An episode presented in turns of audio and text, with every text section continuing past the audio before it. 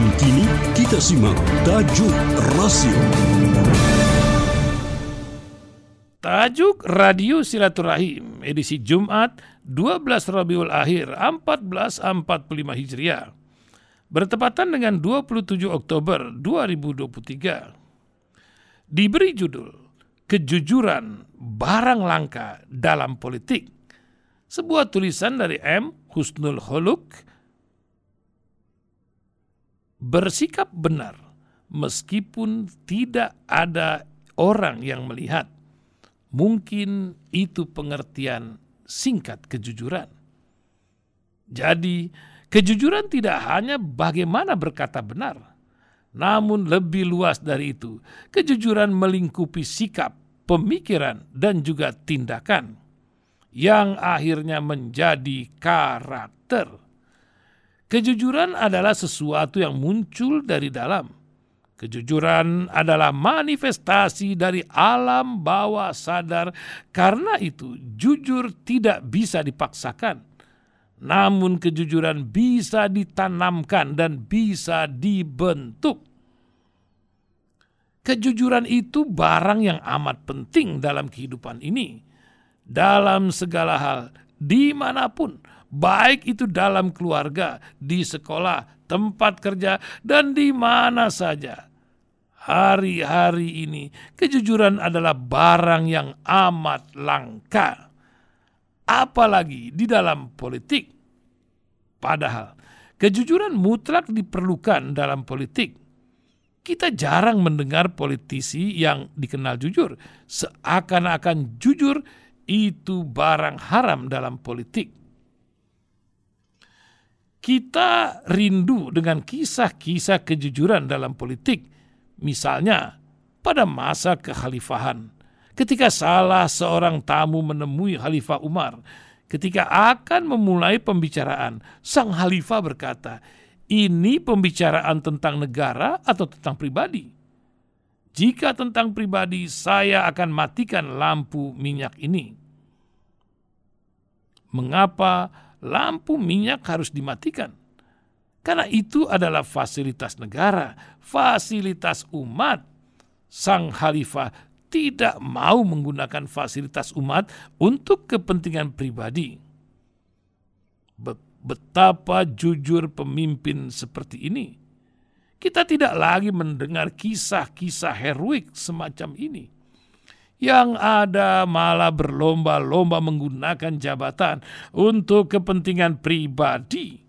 Orang-orang menyebut itu dengan istilah aji mumpung. Mumpung punya jabatan harus mengeruk kekayaan sebanyak-banyaknya. Mumpung punya jabatan harus memperkaya diri sekaya mungkin. Mumpung punya jabatan semua harus dikuasai kalau perlu kekayaan satu negara dikuasai semua. Bukan lagi menumpuk kekayaan untuk tujuh turunan, tapi kalau bisa semua turunan mereka sampai hari kiamat jangan sampai miskin. Mereka takut miskin dan sikap takut miskin itu membutakan semua. Membuat kejujuran menjadi barang langka dalam politik. Masih ingat dengan kisah Abu Nawas? Ketika dia mau diajukan menjadi kadi menggantikan ayahnya, itu jabatan prestisius, tapi dia menolak. Dia pura-pura gila karena tidak diangkat menjadi kadi, agar tidak diangkat menjadi kadi. Dia tidak mau mengampu jabatan itu. Mengapa? Salah satu alasannya karena takut tergelincir kekubangan dosa takut lalai, takut tidak sengaja menggunakan jabatan itu untuk kepentingan pribadi. Kita juga rindu dengan kisah-kisah heroik semacam ini. Tapi hari-hari ini orang-orang berlomba-lomba merebutkan jabatan, berbagai jabatan politik bukan karena apa-apa, tapi karena aji mumpung. Jadi, betapa hebat aji mumpung itu, sehingga orang-orang berebut untuk memiliki. Aji mumpung bisa digunakan untuk korupsi, mampu jadi pejabat, mumpung ada kesempatan, mumpung bisa korupsi. Mereka tidak sadar bahwa korupsi itu merugikan banyak orang, bahkan yang paling parah adalah korupsi berjamaah. Ternyata tidak hanya sholat saja yang berjamaah, korupsi juga berjamaah. Bersama-sama, saling bahu-membahu, tidak peduli itu salah atau benar. Yang penting semua dapat bagian, pasti aman. Ini juga aji mumpung. Biasanya korupsi berjamaah itu ketahuan kalau ada yang tidak dapat bagian atau bagian dia paling sedikit atau ingin dapat bagian paling banyak. Yang menarik lagi, kalau ada yang tertangkap, ada dua pilihan. Dia buka mulut sehingga semua anggota jamaah terungkap dan bakal ditangkap atau dia mengorbankan diri tapi minta bagian paling banyak di antara jamaah lainnya tidak jadi masalah. Setahun dua tahun di penjara, yang penting setelah itu rekening-rekening milik dia gendut mendadak. Banker-banker besi milik dia penuh dengan rupiah. Ada juga korupsi-korupsi di lingkungan.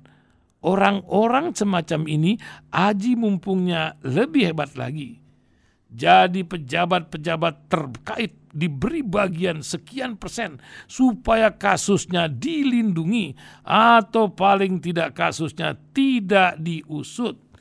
Ini lebih parah lagi. Tapi bukan ini yang paling parah.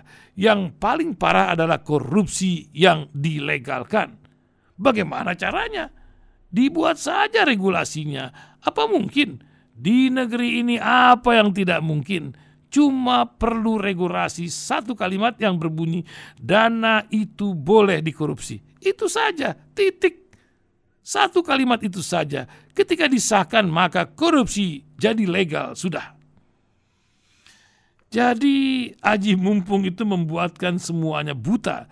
Buta artinya tidak peduli, tidak peduli terhadap kerugian akibat perbuatan yang dilakukan Aji-aji yang sangat ampuh sekaligus berbahaya. Aji mumpung membuat seseorang tidak peduli dengan nasib orang lain. Dia tidak peduli bahwa dampak dari perbuatan dia itu membuat orang lain miskin.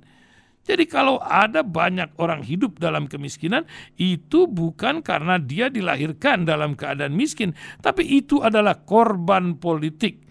Namanya kemiskinan struktural Kemiskinan yang terjadi sebagai dampak dari sistem yang tidak peduli pada nasib warga negara.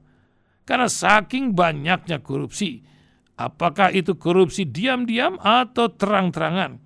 Apakah itu korupsi ilegal atau yang legal?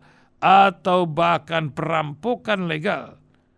Jadi jelas bukan bahwa Kejujuran bukan hanya menjaga perkataan agar tidak berkata bohong, tetapi juga soal sikap dan tindakan.